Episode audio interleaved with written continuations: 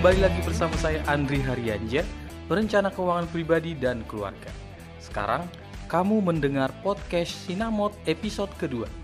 Podcast ini tayang setiap hari Rabu jam 7 malam di Spotify, Apple Podcast, dan Google Podcast. Kamu bisa mendengar podcast ini saat sedang jogging, perjalanan menuju kantor, pulang kantor, atau pas lagi istirahat makan siang. Kalau sekarang kamu lagi jogging atau nyetir, hati-hati di jalan ya. Perhatikan selalu kondisi di sekitar. Percuma kita bahas keuangan jangka panjang kalau kamunya kenapa-kenapa. Semua yang kita bicarakan ini ya sia-sia. Boleh didengar saat jogging dan nyetir, tapi hati-hati ya. Oke, kita langsung saja membahas topik hari ini. Rabu 4 November 2020. Judulnya Siapa yang membayar bill saat masih pacaran? Banyak orang yang tidak tahu etika bayar membayar saat masih pacaran. Kita cuma mengikuti kebiasaan yang sering kita lihat dan dengar. Begitulah manusia. Suka banget membenarkan kebiasaan, bukan membiasakan yang benar. Selama ini kan yang bayar itu cowok, Ndri. Itu salah dong. Yang nggak salah juga sih. Kalau mau ngikutin kebiasaan itu, ya fine-fine aja kok. Bisa sampai nikah juga. Tapi untuk mendapat hasil yang lebih baik, kita harus tahu etika yang benar. Mau ngikutin kebiasaan lama juga nggak masalah, asal kamu dan pasangan sama-sama sepaham. Bukan asal main menyerahkan sesuatu tanpa dibicarakan terlebih dahulu. Karena selama ini cowok yang bayar, ya ya harus cowok yang bayar sampai seterusnya. Enggak, no, enggak seperti itu. Jadi ada empat etika pembayaran saat masih pacaran. Yang pertama, saat kencan pertama. Supaya enggak meninggalkan kesan buruk, prialah yang bertanggung jawab membayar semua biaya pada kencan pertama.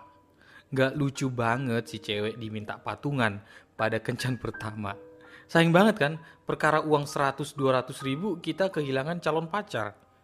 Padahal sebelumnya dia sudah membuka hati untuk pertemuan selanjutnya. Pas diminta patungan, beh, kemungkinan besar dia bisa berubah pikiran. Bonusnya, kamu akan dianggap pelit. Dua, saat udah pacaran. Saat udah pacaran, siapa yang bayar? Ya sesuai kesepakatan. Saran saya begini. Misalnya nih, agendanya nonton. Pas pria antri beli tiket, wanita langsung inisiatif beli popcorn Gak usah tunggu-tunggu, langsung gerak aja ambil bagian. Pria akan salut banget sama tindakan sederhana seperti itu. Ini bukan soal patungan ya, tapi ambil bagian tanpa perhitungan. Beda, beda dengan patungan. Kalau kita inisiatif, itu bukan patungan. Kalau patungan itu kan eh, bagi dua atau bagi berapa persen gitu, itu patungan. Itu bukan inisiatif.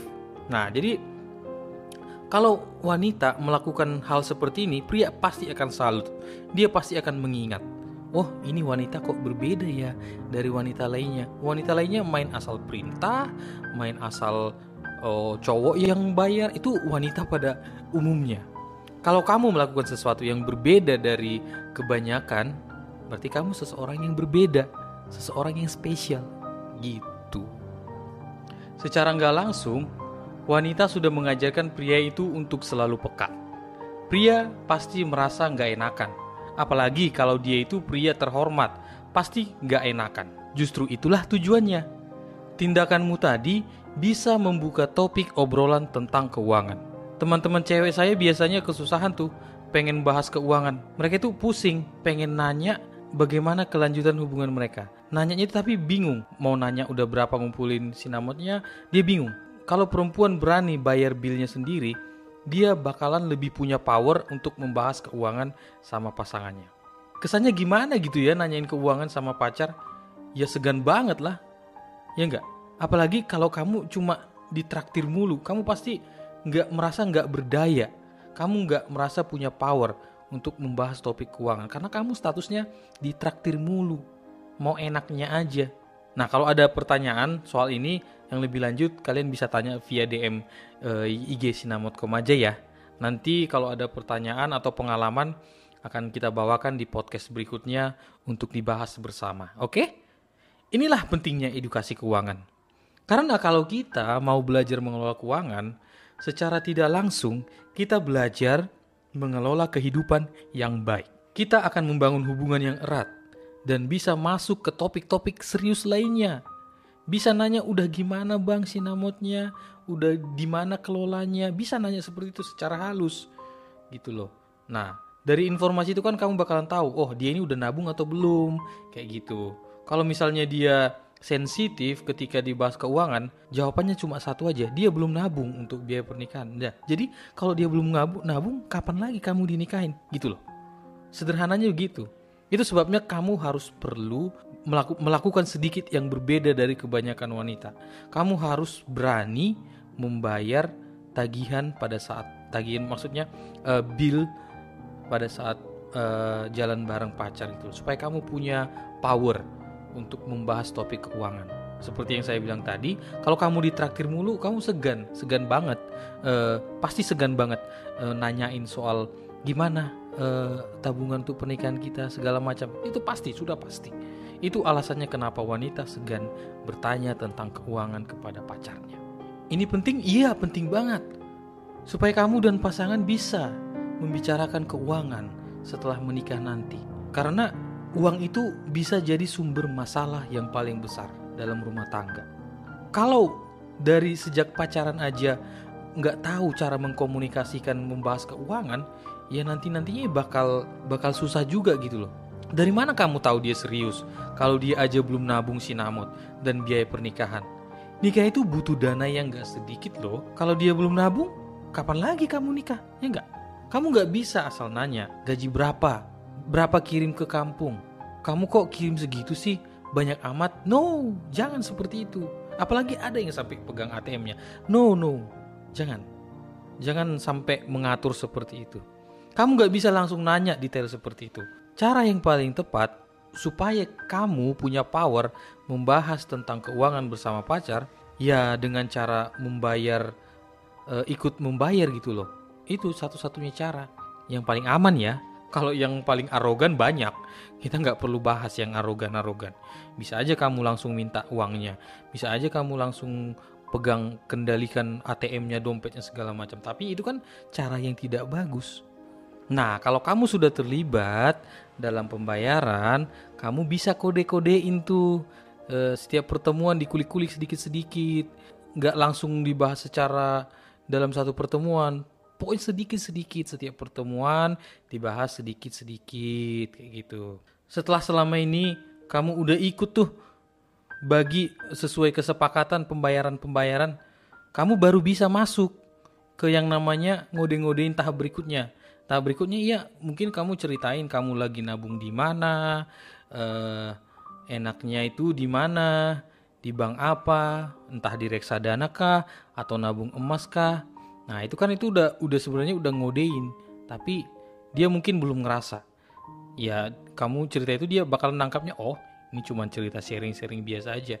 Tapi itu itu bagusnya karena memang e, membahas keuangan itu harus pelan-pelan, harus terbiasa terbiasa dulu ngebahas tentang mengelola keuangan, menabung, investasi. Setelah satu bulan atau dua bulan baru deh kamu bisa kenalin ke dia e, itu tuh aku lagi dengar podcastnya Sinamot ternyata bagus banget loh untuk keuangan. Oh ya, nah gitu. Dia bakalan penasaran juga. Dia akan dengar. Nah setelah dia dengar, dia bakalan sepaham sama kamu gitu loh. Nah kalau misalnya dia marah ketika dibahas tentang keuangan, sudah pasti dia nggak punya uang itu intinya itu gitu loh semua ini bisa dicapai kalau wanita terlibat dalam pembayaran kencan tiga saat kencan mendadak setiap pasangan tentu punya jadwal ketemu rutin Misalnya ada yang bertemu setiap hari Sabtu, malam Minggu atau hari Minggu. Nah, pembayaran kencan pada pertemuan rutin itu sesuai kesepakatan biasa. Tapi kadang-kadang ada tuh yang tiba-tiba ngajak ketemuan di luar jadwal ketemuan rutin. Nah, siapa yang bayar? Siapa pun yang mengajak, dialah yang membayar. Karena ini kan ngajaknya tiba-tiba di luar jadwal rutin. Berarti e, kalau mau ngajak berarti dia yang bertanggung jawab untuk membayar. Kenapa? Setiap orang sudah punya budget masing-masing. Nah, kalau kamu ngajak ketemuan mendadak, kan ada pengeluaran mendadak juga. Bisa jadi pacarmu nggak punya budget untuk pertemuan mendadak itu. Nah, yang ngajak lah yang harus bertanggung jawab. Biasanya kan yang memang gitu juga. Kalau misalnya ada yang ngajak jalan, dia yang ituin, yang bayar. Itu etika etika basic banget sebenarnya. Yang terakhir, saat ada momen spesial. Momen spesial itu seperti ini dapat kerjaan baru, naik gaji, ulang tahun, dan lain-lain. Nah, kalau ada momen membahagiakan seperti ini, biasanya kan kita suka traktir temen tuh. Apa salahnya traktir pacar juga? Ya enggak? Kalau teman aja di traktir, ya kenapa enggak traktir pacar juga? Apalagi kalau misalnya ulang tahun, dia kan udah ngabisin uang buat dekorasi lah, buat kejutan lah, buat beli kue lah. Itu kan enggak sedikit yang keluar. Nah, apa salahnya di traktir juga, traktir makan juga? Kan adil kan? Itu enak gitu, sama-sama enak. Etika ini sederhana banget sebetulnya. Saking sederhananya, kita kayak nggak melihatnya sebagai sesuatu yang penting. Padahal pengaruhnya sangat besar untuk hubungan jangka panjang. Small touch, big impact. Dasar sebuah hubungan itu harus berorientasi jangka panjang. Setuju? Setuju dong pasti. Jangan ada yang pura-pura baik, pura-pura bilang sayang, padahal cuma ingin memanfaatkan supaya ada yang jemput lah, sekedar status lah, ngisi pulsa lah, paket internet lah. Oh, kalau ini jangan. Pacaran itu butuh effort dan butuh modal juga. Karena akan ada pengeluaran. Apalagi pacarannya bertahun-tahun. Setiap minggu lagi. Kan itu banyak pengeluaran gitu loh sebaiknya ya harus tahu cara mengelola pengeluaran. Bayangin aja, ada yang pacaran udah 6 tahun, 7 tahun gitu loh. Kalau misalnya uang itu ditabung, ya kan? Udah banyak kan? Itu pun kalau jadi, nggak masalah kalau jadi. Kalau ternyata putus, kan kasihan. Kasihan si cowoknya gitu loh. Sayang banget kan kalau kita menjalani hubungan pacaran cuma untuk buang-buang uang dan buang-buang waktu juga sebenarnya. Kamu pasti pernah mendengar istilah hubungan bilateral di TV atau media lainnya. Hubungan yang baik itu ia harus atas berdasarkan kerjasama, sepenanggungan. Tidak ada yang merasa hanya berjuang sendiri. Hubungan bilateral satu negara dengan negara lain adalah contoh hubungan yang baik. Karena tujuannya untuk keuntungan bersama dalam jangka panjang. Jangan ada pihak yang merasa diuntungkan atau merasa dirugikan. Sebelum hubungan bilateral mencapai kesepakatan, tentu kedua negara harus saling mendengar kebutuhan masing-masing. Barulah bisa mencapai kata sepakat. Kalau tidak pernah membuat kesepakatan, ya pantas berantem terus. Si cowok pasti keberatan kalau dia traktir mulu, padahal dia lagi punya masalah keuangan misalnya. Lama-kelamaan si cowok bisa capek loh. Bahkan dia bisa ngilang secara perlahan. Inilah salah satu alasan mengapa cowok kabur tanpa jejak. Pasti dia merasa keberatan dengan hubungannya. Entah karena sikap wanita yang sok ngatur atau karena dia merasa si cewek menguras kantongnya. Cowok itu makhluk yang sangat logis loh. Logis itu dekat sama perhitungan matematis. Itu itu bahasa yang diperhalus. Kasarnya sih pelit. Gak semua, gak semua pelit sih. Tapi pada dasarnya pria itu perhitungan. Bisa dibedakan ya, perhitungan dengan pelit. Ketika seorang pria nggak ngasih kesempatan kepada wanita, bahwa wanita juga mampu membayar biaya kencan, itu artinya si pria masih berpikir pada pola abad ke-18. Si pria menganggap wanita tidak mampu membiayai dirinya sendiri. Pola pikir seperti ini kan udah nggak relevan lagi di zaman sekarang. Pria dan wanita itu setara, tidak ada yang lebih tinggi, tidak ada yang lebih rendah.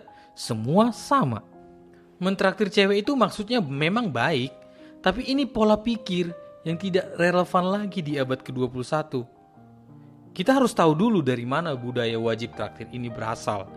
Ini tradisi dari zaman dahulu, waktu zaman kakek nenek kita dulu. Wanita tidak bisa ke mana-mana, nggak kerja, nggak punya pemasukan, nggak sekolah, semua serba terbatas. Wanita nggak bisa ngapa-ngapain. Hanya dituntut mengurus rumah tangga saja. Itulah tugas wanita waktu itu. posisinya dianggap jadi nomor dua di bawah seorang pria. Makanya, ketika seorang pria ingin meminang seorang gadis, dia akan menunjukkan, "Hei, saya punya harta." Sifat ini terbawa-bawa sampai sekarang. Makanya, sampai sekarang kita masih suka lihat tuh, laki-laki suka pamer mobil, pamer harta. Dia pikir dia bisa memikat hati semua wanita dengan cara pamer harta seperti di abad ke-18. Wanita yang berpola pikir abad ke-18 akan tertarik dengan pola pikir yang suka pamer tadi. Coba deh kalian tanya teman wan Coba deh kalian tanya wanita-wanita modern yang punya karir oke, okay, penghasilan oke, okay, terus ada cowok yang uh, belaga pamer harta. Apa pendapat wanita modern dengan pria yang suka pamer harta? Pasti jijik. Pasti mereka ogah banget gitu loh. Bukan berarti harta itu nggak penting ya. Justru karena kita masih di dunia, maka harta duniawi itu menjadi penting. Munafik banget kalau ada orang yang bilang harta nggak penting. Tapi wanita modern biasanya jijik sama laki-laki yang suka pamer. Wanita modern merasa dirinya direndahkan kalau ada cowok yang mendekatinya dengan cara pamer. Apalagi masih nyicil ya kan tapi udah pamer kayak dia yang punya showroom. Beh, itu mah bahan bulian cewek-cewek. Kenapa saya tahu? Karena teman-teman saya itu dominan cewek dan saya sering banget mendengar mereka bercerita tentang cowok-cowok. Terus di akhir saya diminta ngasih kesimpulan. Itulah salah satu benefit berteman sama cewek. Jadi jadi kita tahu sudut pandang cewek dan saya pun bisa melakukan rebalancing terhadap anggapan-anggapan keliru terhadap cewek atau cowok. Jangan cuma berteman sama cowok aja atau cuma sama cewek aja. Zaman kan sudah berubah. Ini sudah abad ke-21. Wanita sudah sekolah tinggi, punya penghasilan sendiri, bahkan gajinya lebih besar dari pria. Punya prestasi yang lebih banyak dari pria. Wanita modern bisa membeli apa pun yang mereka inginkan. Masa dibayarin terus? Kecuali nggak tahu malu ya, ya cuek-cuek aja gitu loh dibayarin mulu. Malah merasa malah dia merasa diuntungkan dengan posisi seperti itu. Wanita yang punya harga diri pasti merasa nggak enak dibayarin terus. Apalagi kalau si wanita tahu pacarnya ini harus berjuang untuk menabung. Ya masa tega sih jadi parasit kalau kondisinya seperti itu, ya enggak? Tapi kalau pria dari keluarga yang mapan, sudah mandiri pula, kalaupun dia yang bayar, ya nggak jadi masalah karena uang bukan masalah lagi bagi si pria tadi. Tapi kan gak semua pasangan yang berada dalam kondisi ekonomi yang sudah stabil seperti itu. Itulah gunanya etika. Etika menuntun kita agar bersikap yang tepat dan bagaimana bertingkah laku yang tidak merugikan orang lain. Memang betul pria itu mencari nafkah buat keluarga. Tapi saya beri tanda kutip pada kata keluarga. Yes, pria mencari nafkah untuk keluarga. Pacar itu keluarga gak sih? Berarti mentraktir pacar, keuangan pacar, bayaran kosan pacar, belanjaan pacar, bukan urusan pria. Kenapa? Karena bukan keluarga. Sekali lagi, ini khusus untuk kasus pria pada umumnya ya. Kalau prianya mampu ya nggak masalah mau dibeliin kek. Tapi asal benar-benar mampu, mau dibeliin Ferrari kek, apa kek, nggak masalah. Sultan mah bebas. Saya yakin pendengar podcast ini masih manusia. Karena kita manusia, maka kita harus memiliki etika.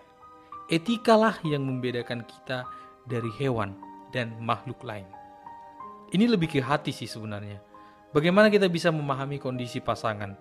Itulah hubungan yang baik, hubungan yang sehat, hubungan yang saling mengerti kebutuhan pasangan. Nggak egois gitu loh, nggak kaku, urusan A itu laki-laki, urusan B itu urusan perempuan, urusan bayar membayar itu laki-laki. Enggak, enggak seperti itu. Apalagi uang itu sangat sensitif.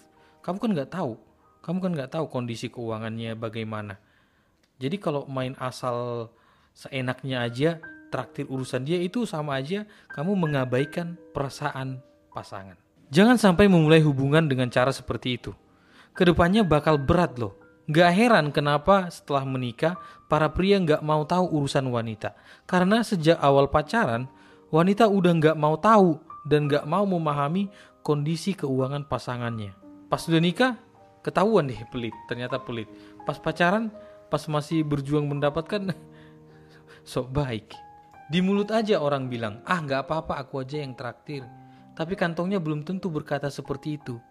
Dia cuma gengsi aja cewek yang bayarin. Sekali lagi nggak semua seperti itu ya.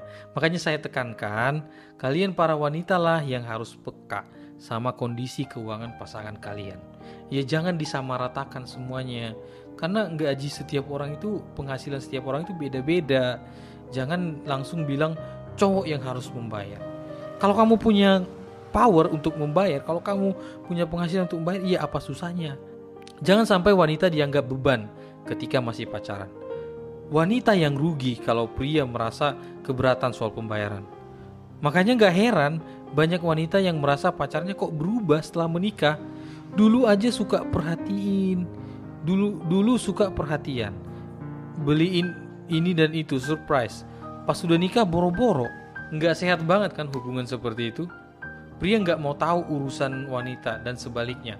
Masalah ini dimulai dari pacaran. Salah satu penyebabnya karena wanita menyerahkan semua urusan pembayaran kepada pria. Kemudian pria balas dendam setelah menikah. Karena sudah dapat jiwa-jiwa aslinya keluar. Ternyata dia itu pelit. Ya memang pada dasarnya pria itu per, perhitungan. Bukan pelit ya perhitungan karena nggak semua pria pelit tapi semuanya pria perhitungan. Perhitungannya kan belum tentu kikir gitu tapi pokoknya dia suka memperhitungkan lah gitu loh. Kalau aku kasih ini dapatnya apa? Itu return on investment kalau bahasa investasinya. Intinya nggak usah takut membahas keuangan. Kalau pacar kalian tersinggung dengan topik ini, itu artinya dia nggak punya uang. Seperti yang saya bilang tadi, orang yang serius mau nikahin kamu akan serius juga ngumpulin sinamot. Menabung yang baik, bukannya tersinggung saat kamu mencoba mulai pembahasan ringan tentang keuangan. Itu bukan matre kok, jangan takut, itu bukan matre. Itu hal yang sangat wajar bagi mereka yang ingin menjalani hubungan serius. Kecuali kalau dia cuma mau pacaran gitu-gitu aja, gak ada planning yang jelas, belum nabung, ya dia bakal merasa risih saat kamu bahas topik ringan tentang keuangan. Ini topik ringan loh. Gak salah kamu sharing lagi coba-coba investasi reksadana. Cuma orang yang gak punya planning tentang keuangan yang risih membahas keuangan. Percaya deh. Ya kalau dia gak ada rencana buat nikah, lebih baik baik aja ya kan. Tinggalin aja. Orang dia gak jelas, udah bukan zamannya lagi pacaran cuma gitu-gitu aja. Biarkan dia yang menyeleksi dirinya sendiri, simple banget. Kalau dia tersinggung saat kamu bahas tentang keuangan, apalagi kamu bahasnya itu secara perlahan-lahan, kamu harus sudah mulai berpikir bagaimana cara membicarakan keuangan dengan pasangan.